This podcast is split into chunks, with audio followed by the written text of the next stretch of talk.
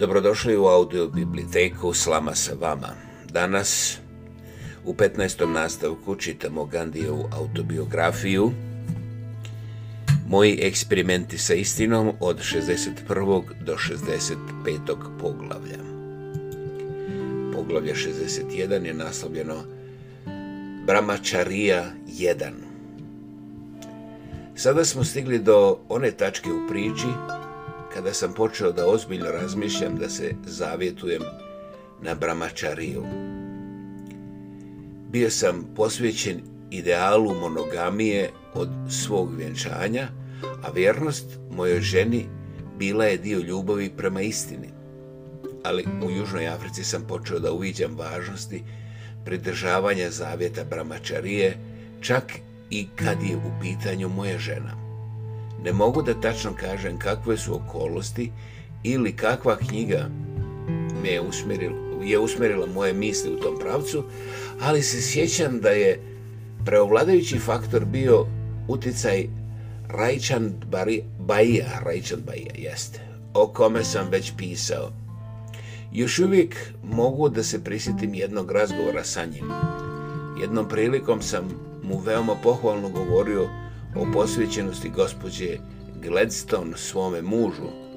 Čitao sam negdje da je gospođa Gladstone insistirala da sprema čaj gospodinu Gladstonu čak i u donjem domu parlamenta i da je to postalo pravilo u životu tog sjajnog para čija su se dijela rukovodila principom redovitosti. Ispričao sam pjesniku o tome i slučajno pohvalio supružničku ljubav. Koju od ove dvije više cijeniš, upitao je Rajčan Baji. Ljubav gospođe Gladstone kao žene prema svom mužu ili njeno posvećeno služenje nezavisno od njenog odnosa sa Gladstoneom. Pretpostavimo da je ona bila njegova sestra ili njegova posvećena sluškinja i služila ga sa istom pažnjom. Šta bi rekao? Zar nema primjera tako posvećenih sestara ili slugu? Pretpostavimo da nađeš istu takvu posvećenost sa ljubavlju u jednom muškom slugi. Da li bi te to zadovoljilo na isti način kao i slučaj gospođe Gladstone? Samo prouči tu perspektivu na koju sam ti ukazao. Sam Rajčan Baji je bio oženjen. Imam utisak da su mi u tom trenutku njegove riječi zvučale grubo, ali su me neodoljivo obuzele. Posvećeno sluge osjećao sam bila je hiljadu puta vrijednija hvale nego posvećenost žene svom mužu. Nema ničeg iznenađujućeg u posvećenosti žene svom mužu, pošto među njima postoji neraskidiva veza. Takva posvećenost je savršeno prirodna, ali potreban je, ali poseban je napor da bi se stvorila podjednaka posvećenost između gospodara i sluge, Pesnikov pogled na te stvari je polako počeo da me osvaja. Kakav onda, upitao sam se, treba da bude moj odnos prema mojoj ženi? Da li se moja vjernost ogleda u tome da učinim moju ženu instrumentom moje požude? Sve dok sam rob požude, moja vjernost ne vrijedi ništa. Da budem pošten prema mojoj ženi moram da kažem da ona nikad nije bila neka zavodnica. Zato bi mi bilo izuzetno lako da se zavjetujem na bramčariju, ako to samo hoću. Prepreka tome bile su moja slaba volja i požudna vezanost. Čak i nakon što mi se svijest o tom pitanju probudila, dva put nisam uspio. Nisam uspio zato što motiv koji je pokretao taj napor nije bio najviše vrste. Moj glavni cilj je bio da izbjegnem da imam više djece, dok sam boravio u Engleskoj, čitao sam nešto o kontraceptivnim sredstvima.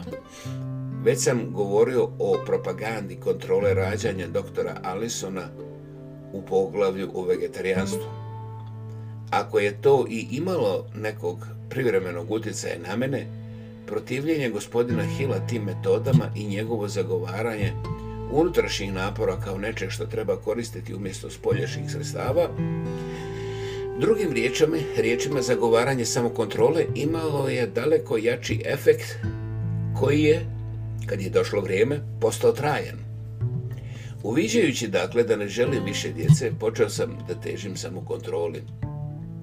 Taj zadatak bio je ispunjen beskrajnim teškoćama. Počeli smo da spavamo u odvojenim krevetima. Odlučio sam da idem na spavanje tek kad bih se potpuno iscrpio od rada tog dana.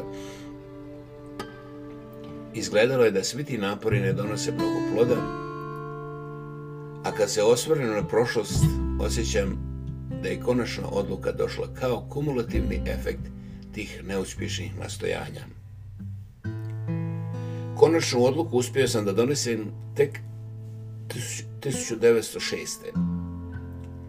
Satya Graha još nije bila pokrenuta. A sad malo objašnjenje, satja graha je borba putem nenasilne građanske neposlušnosti.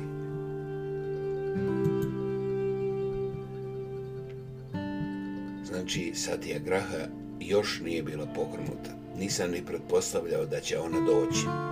Radio sam u Johannesburgu u vrijeme pobune Zulua u Natalu, do koje je došlo nakon Burskog rata. Osjećao sam da natalskoj vladi moram da ponudim svoje služenje u tim okolnostima. Ta ponuda je prihvaćena kao što ćemo vidjeti u narednom poglavlju. Ali taj posao me naveo da grozničavo razmišljam o samokontroli na osnovu čestih razgovora sa mojim suradnicima o toj temi, postao sam ubijeđen da rađanje, ishodno tome briga o deci, nisu u skladu sa javnim radom. Morao sam da rasturim moje domaćinstvo u Johannesburgu da bih mogao da služim tokom pobune. Tokom tog jednog mjeseca služenja morao sam da ostavim kuću koju sam tako pažljivo opremio. Poveo sam ženu i djecu u Phoenix i vodio indijski ambulansni korpus pridodat natalskim snagama. Tokom teških marševa koje smo morali da izvodimo, sinula mi je ideja da ako hoću da se posvetim služenju zajednici na taj način, moram da se odreknem želje za djecom i bogatstvom i da živim život vana prašte onog koji se povukao od domaćinskih dužnosti. Pobuna me nije držala zauzetim duže od šest nedelja, ali taj se kratki period pokazao kao veoma važno razdoblje u životu. Važnost zavjeta mi je postala jasnije nego ikad ranije. Svatio sam da taj zavjet ne da ne zatvara vrata prave slobode, već ih otvara. Sve do tada nisam postigao uspjeh jer mi je nedostajala volja, jer nisam imao vjere u sebe, ni vjere u Božju milost, pa mi se zato um kovitlao u uzburkanom moru sumnje. Shvatio sam da ako neće da se zavjetuje, muškarac biva uvučen u iskušenje, a biti vezan zavjetom je kao prelazak iz frivolnosti u pravi monogamni brak. Vjerujem u napor, ne želim da se vezujem zavjetima. To je mentalna slabost i odaje subtilnu želju da se određena stvar izbjegne. Jer zašto bi onda bilo teško donijeti konačnu odluku? Zavetujem se da ću pobjeći od zmije za koju znam da će me ujesti, umjesto da samo pokušavam da pobjegnem od nje. Znam da bi puki napor mogao da znači sigurnu smrt. Puki napor znači neznanje, činjenica da će me zmija sigurno ubiti. Dakle, činjenica da sam mogao da se zadovoljim samo naporom značila je da još nisam jasno uvidio da je neophodno tačno određeno djelovanje. Ali pretpostavimo da će se moji pogledi promijeniti u budućnosti kako mogu da se vežem zavjetom. Takva sumnja nas često odvraća od toga, ali ta sumnja također odaje nedostatak jasnog uvida da se određenih stvari moramo odreći. Zato je Niškulananda pjevao Odricanje bez odbojnosti nije trajno. Dakle, kad želja nestane, zavjet odricanja je prirodna i neizbježna posljedica. Poglavlje 62 Bramačarija 2 Nakon detaljne rasprave i zrele odluke, odlučio sam se na taj zavjet 1906. Do tada nisam bio podijelio moje razmišljanja sa ženom, već sam se jedino posavjetao sa njom u vrijeme kad sam se odlučio na zavjet. Ona nije imala primjedbi, međutim bilo mi je izuzetno teško da donesem konačnu odluku. Nisam imao neophodnu snagu. Kako da kontrolišem svoje strasti? Prekid tjelesnih odnosa sa sobstvenom ženom je u to vrijeme izgledao kao čudna stvar, Ipak uputio sam se u to sa vjerom u moćnu Božju podršku. Kada se sada osvrnem na 20 godina tog zaveta, ispunjen sam zadovoljstvom i čuđenjem. Sa praksom samokontrole sam manje više uspješno pokušavao od 901. Ali slobodu i radost kakvi su mi došli nakon što sam se zaveto nisam osjetio nikad prije 1906. Prije nego što sam se zavjetao, bio sam otvoren iskušenju da me nadvlada u svakom trenutku. Sada je moj zavjet bio sigurna zaštita protiv iskušenja. Ogromne mogućnosti bramačarije postale su mi iz dana u dan sve očiglednije. Zavjetao sam se dok sam boravio u Feniksu. Čim sam se oslobodio rada u ambulanti, otišao sam u Feniks odakle je trebalo da se vratim u Johannesburg. Otprilike mjesec dana nakon tog povratka bili su postavljeni i temelji, temelji Satja Grahe. Iako to nisam znao, zavjet Brahmačarije me je pripremao za to. Satja Graha nije bila unaprijed zamišljen plan. Ona je došla spontano, ja nisam to hotimično planirao, međutim, mogao sam da vidim da su svi moji prethodni koraci vodili tom cilju. Skresao sam svoje velike kućne troškove u Johannesburgu i otišao u Phoenix da se tamo zavetujem na bramačariju. Saznanje da savršeno podržavanje bramačije znači ostvaranje bramana nisam dugao, dugovao šastrama. A šta su Bramanim? Brahman je apsolut, vrhunska nepromjenljiva stvarnost, krajnji uzrok univerzuma. U drugom značenju Brahman ili Brahmin je pripadnik najviše kaste sveštenika. A šastra, znači pouka učenje, su filozofski ili vjerski spisi, zakoni, zbornici, udžbenici i priručnici.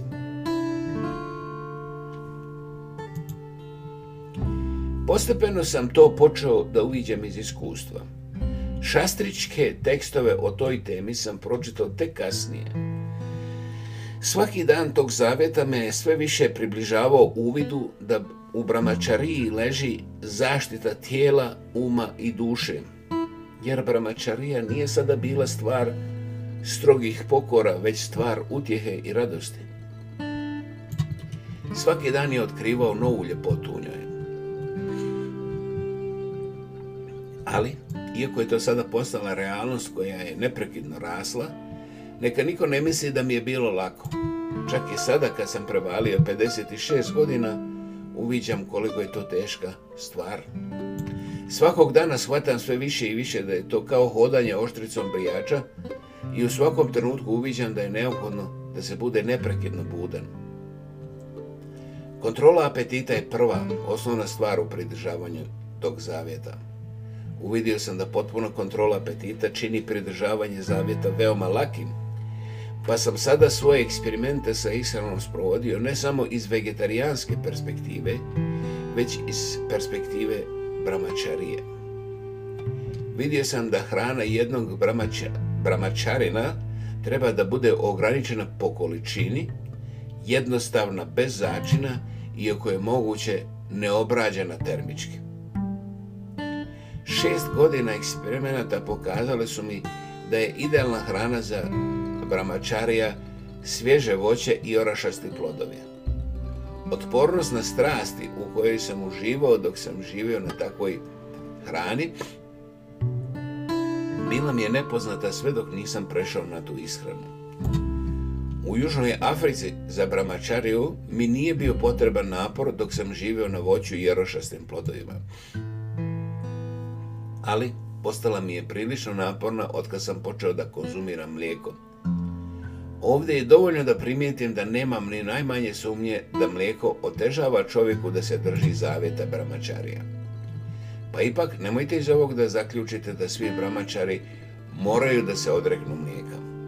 Uticaj raznih vrsta hrane na bramačariju može se odrediti tek nakon brojnih eksperimenata. Tek treba da nađem voćnu zamjenu za mlijeko koja bi bila podjednako dobra za izgradnju mišića i lako svarljiva. Ni lekari, ni vaiđe, ni hakimi nisu uspjeli da me prosvjetle po tom pitanju. Zato, iako znam da je mlijeko djelimični stimulant, zasad ne mogu nikom da savjetujem da ga se odrekne. Kao spolješne pomoć bramačariji, Post je neophodan, kao i pažljiv izbor ograničenja količine namirnica. Čula su tako moćna da se mogu držati pod kontrolom samo kada su potpuno obezbiđena sa svih strana, i od ozgu i od ozdo. Poznajte je da su ona nemoćna bez hrane, pa zato ne sumnjam da je post koji se sprovodi u cilju kontrole čula od velike pomoći. Kod nekih post ne pomaže iz sljedećih razloga pošto pretpostavljaju da će ih puki mehanički post učiniti imunim, oni svom tijelu ne daju hranu, ali goste svoj um svakakvim delikatesama, misleći sve vrijeme šta će jesti i šta će piti kad se post završi. Takav post im ne pomaže da kontrolišu ni apetit ni požudu. Post je od koristi kada um surađuje sa tijelom koje se lišava hrane, to će reći kad stvara odbojnost prema objektima koji su uskraćeni tijelu. Um je korijen svekolike čulnosti. Zato post ima ograničen domet, jer čovjek koji posti i dalje može da bude nošen strastima. Međutim, može se reći da je ukidanje seksualne strasti po pravilu nemoguće bez posta. Pa se za post može reći da je nezamjenjiv da bismo se pridržavali bramačarije. Mnogi aspiranti nakon što uzmu zavjet bramačarije doživljavaju neuspjeh jer žele da sa korištenjem čula nastave isto kao i oni koji nisu bramačari. Zato je njihov napor isto što i napor da se doživi osvježavajuća hladnoća u vrelim ljetnim mjesecima treba da postoji jedna granica između života bramačarina i onog ko to nije. Sličnost koja među tom dvojicom postoji je samo prividna. Razlika treba da bude jasna kao dan. Obojica koriste svoj vid, ali dok ga bramačari koriste da vide slavu Božiju, ovaj drugi ga koristi da oko sebe vidi raskalašnost. Obojica koriste uši, ali dok onaj prvi čuje samo hvale Bogu, onaj drugi gosti svoje uši s karednostima. Obojice ostaju dokasno u noć, ali dok onaj prvi posvećuje svoje sate molitvi, onaj drugi ih troši u razostanom i beskorisnom veselju. Obojice se hrane, ali onaj prvi samo da bi održao hram Bože u dobrom stanju, dok se drugi prejeda i čini svetu posudu smrdljivim jarkom. Tako obojice žive kao sjeverni i južni pol, pa će rastojanje među njima s vremenom rasti, a ne smanjivati se. Pramačarija znači kontrolu čula u misli, riječi i dijelu. Svakog dana sam sve više uviđao neophodnosti i ograničenje koje sam malo čas opisao. Nema granica mogućnosti odricanja, kao što nema ni granica bramačariji. Takvu bramačariju nemoguće je dostići ograničenim naporom. Za mnoge će ona morati da ostane samo ideal. Onaj koji teži prema će uvijek biti svjestan svojih mana, tragaće za strastima koje tinjeju duboko u njegovom srcu i neprekidno će težiti da ih se oslobodi. Sve dok misli nisu pod potpunom kontrolom, nema potpune bramačarije. Nevoljno mišljenje da je bana uva pa zauzdavanje misli znači zauzdavanje uma, što je teže nego zauzdati vjetar. Neka niko ne misli da je to nemoguće, zato što je teško. To je najviši cilj, pa nije čudo što je potreban i najveći napor da se to postigne. Ali tek nakon povratka u Indiju uvidio sam da takvu ne, da je takvu bramačariju nemoguće postići pukim ljudskim naporom do tada sam živeo u iluziji da će mi sama ishrana voćem omogućiti da iskorinim sve strasti i laskao sam sebi vjerovanjem da ne moram ništa više od toga da radim. Međutim, ne smijem sada da počinjem poglavlja moje borbi.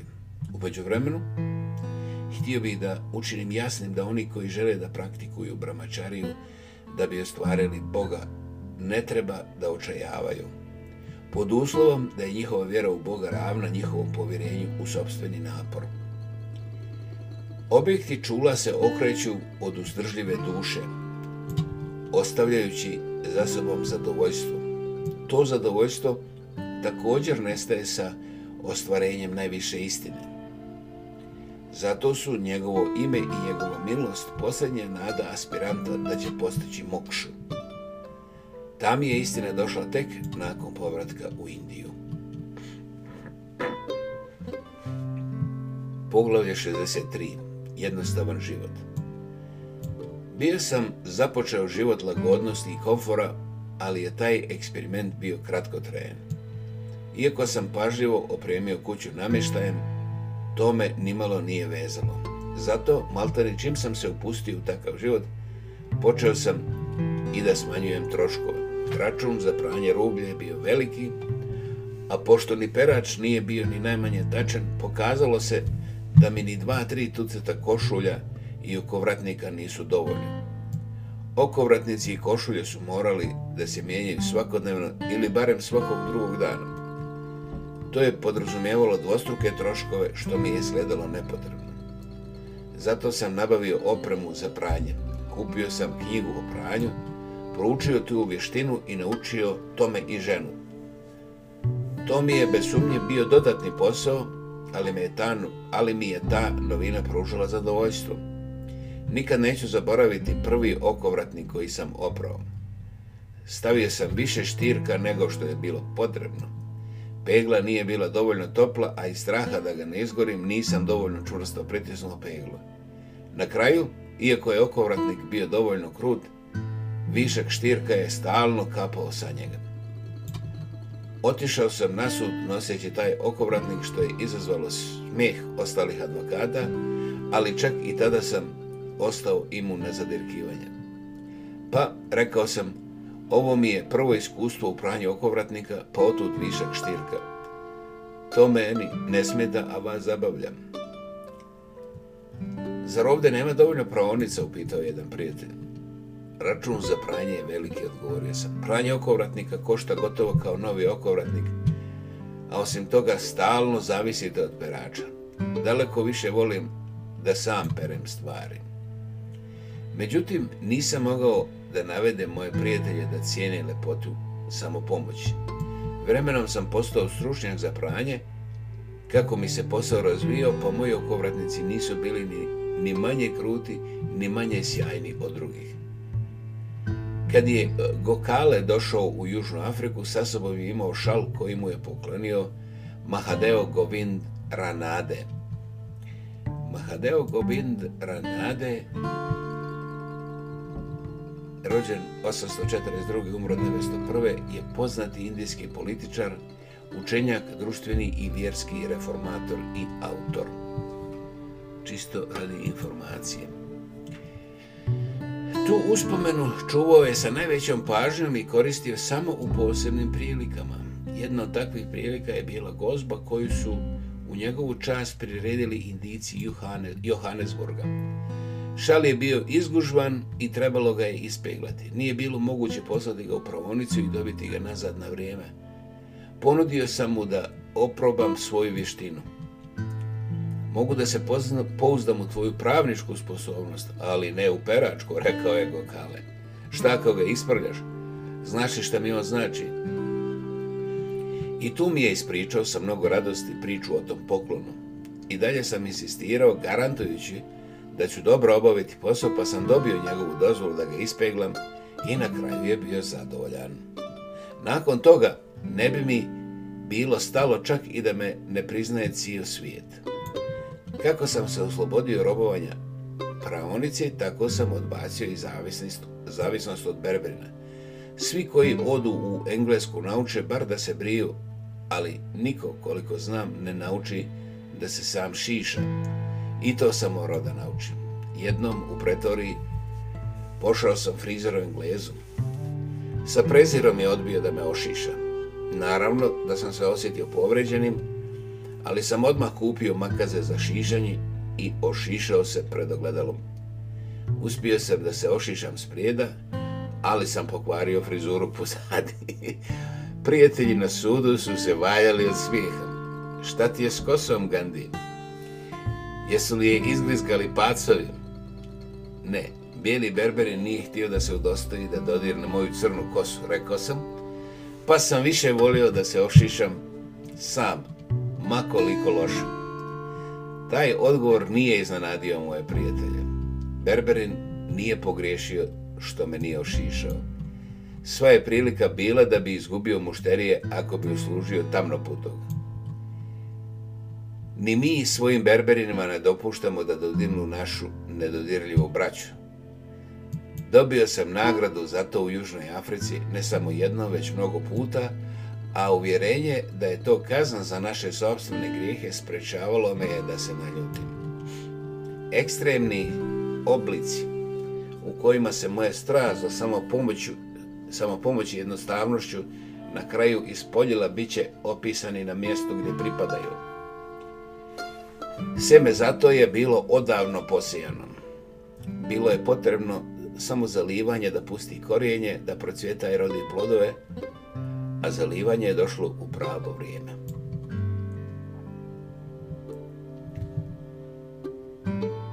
Poglavlje 64 je Burski rat 1899. do 1902. Burske države Transvaal i Oranž sa bogatim nalazištima dijamanata su objavili rat Velikoj Britaniji u znak otpora prodiranju britanskih uticaja. Rat je dobila Velika Britanija, a burske države visok stupanj autonomije. Moram da preskučim mnogo drugih iskustva u periodu između 1897. i 1899. i pređem pravo na Burski rat. Kad je započeo moje lične simpatije bile su potpuno na strani Bura, ali sam tada vjerovao da još uvijek nemam prava da namećem moje lična ubeđenje. Detalje sam opisao, u detalje sam opisao moju unutrašnju borbu koja se ticala toga u mojoj istoriji tiagrahe u Južnoj Africi. I ne smijem da to ponavljam ovdje. Oni koji su radoznali pozivam da pročitaju te stranice. Dovoljno je reći da me moja lojalnost britanskoj vladavini navela da učestvujem u tom ratu na strani Britanaca. Osjećao sam da ako zahtijevam svoje prava kao britanski građanin, onda je moja dužnost kao takvog da učestvujem u odbrani Britanske imperije. Zato sam okupio što sam više mogao drugova iz velike, i uz velike poteškoće uspio da prihvate naše služenje kao ambulantnog korpusa. Prosječni Engles je vjerovao da je indijac kukavica nesposoban da rizikuje ili da gleda dalje od svog neposrednog ličnog interesa. Zato su mnogi engleski prijatelji obeshrabrivali moj plan. Međutim, doktor Butka je svedr svesrdno podržao. Obučio nas je za rad u ambulanti. Obezbijedili smo medicinske certifikate da smo obučeni za tu službu. Sa entuzijazmom su podržali plan gospon Lafton i pokojni Eskom, pa smo na kraju prijavili pa smo se na kraju prijavili za služenje na frontu. Vlada je zahvalno prihvatila našu prijavu, ali nam je rečeno da naša služba u tom trenutku nije potrebna. Međutim, to odbijanje nije moglo da me smiri. Zahvaljujući tome što smo se upoznali preko doktora Puta, uspio sam da posjetim biskupa Natala. U našem korpusu je bilo mnogo indijaca hrišćana. Biskup je bio oduševljen mojim prijedlogom pa je obećao pomoć da se naša služba prihvati. I vrijeme je radilo za nas. Bori su pokazali više od odvažnosti, odlučnosti i junaštva nego što se očekivalo, pa je na kraju naše služenje bilo potrebno. Naš korpus je brojao 1100 ljudi sa oko 40 vođa. Oko 300 su bili slobodni indijici, a ostali radnici po ugovoru. Doktor But je također bio s nama. Korpus se dobro pokazao. Iako je trebalo da radimo van linije fronta, iako smo imali zaštitu Crvenog krsta, u sličnim, u kritičnim trenucima su tražili da služimo i na samom frontu.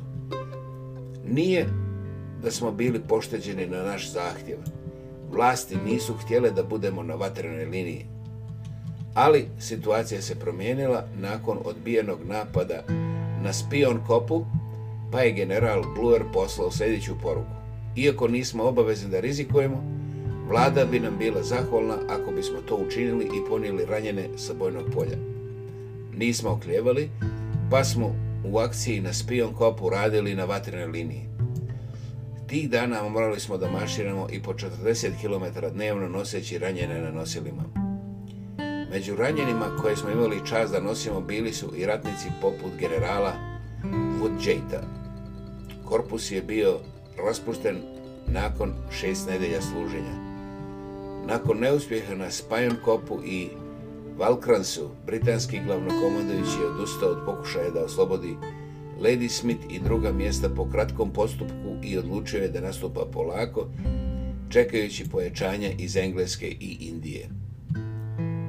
Naš skromni rad je u to vrijeme izuzetno odjeknuo, a ugled Indijaca porastao. Novine su objavljivale hvalospjeve sa refrenom. Na kraju svi smo sinovi imperija. General Bluer je pohvalio rad korpusa u svom izvještaju, a lideri su odlikovani ratnim odlikovanjima. Indijska zajednica je postala bolje organizovana. Uspostavio sam bliži kontakt sa indijcima, radnicima po ugovoru. Među njima je došlo do većeg buđenja, a osjećaj da su indusi, muslimani, hrišćani, tamili, guđarati i sindi, svi indijci i djeca iste otočbine, duboko se ukorijenio među njima. Svi su vjerovali da će sada patnje indijaca biti sigurno nadoknađena. U tom trenutku izgledalo je da je se stav bijelaca značajno promijenio. Odnosi uspostavljeni sa bijelcima tokom rata bili su među najslađim. Došli smo u dodir sa hiljadama britanskih vojnika. Bili su prijateljski prema nama i zahvalni što smo tu da im služimo.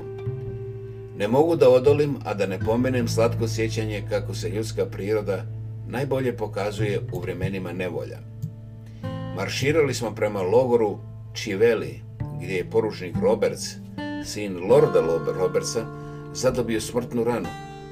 Naš korpus je imao čast da odnese njegovo tijelo sa bojnog polja.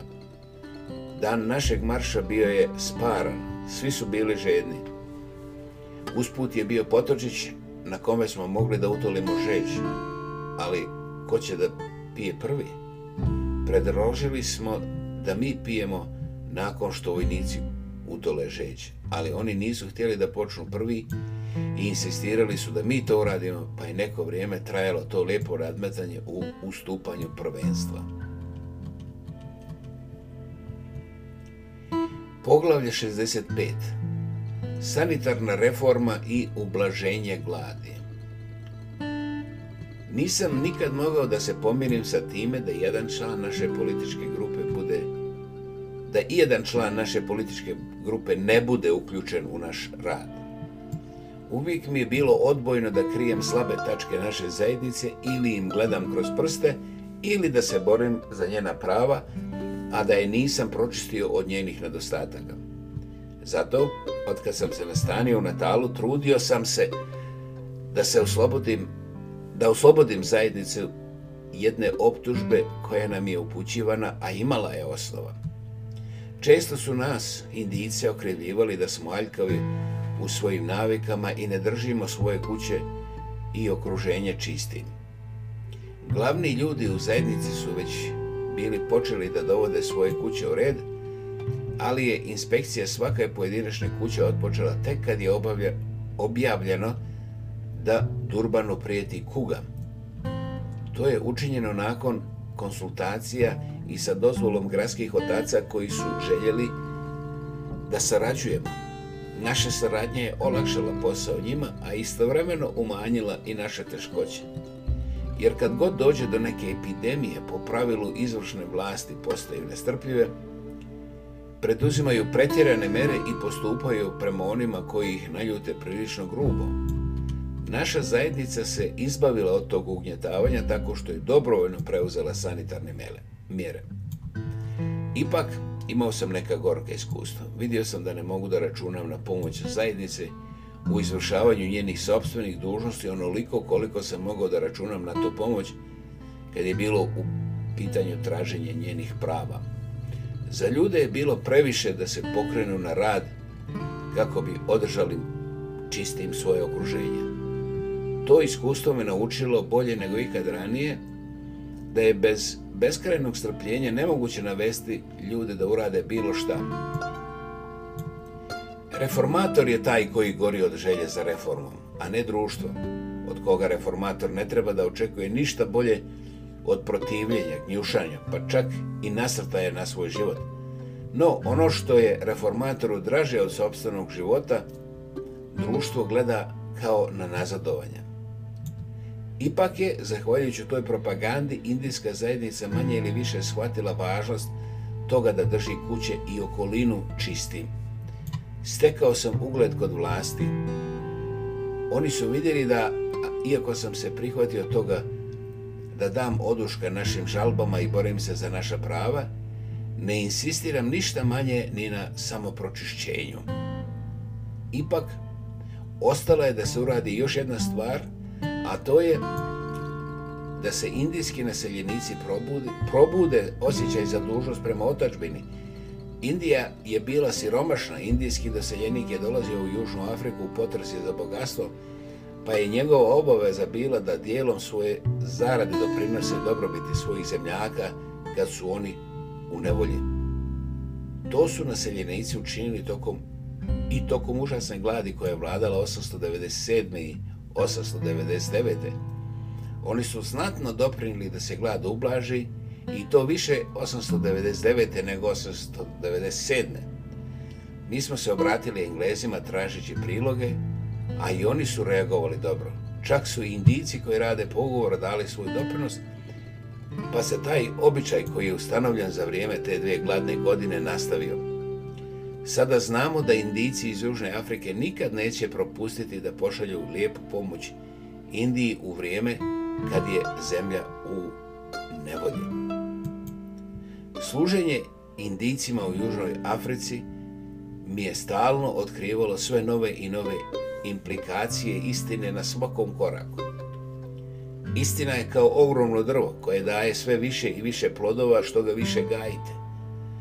Što dublje kopamo u rudniku istine, to ćemo otkriti više dragulja koji su tu zakopani u obliku otvaranja za sve više raznolikih oblika služenja.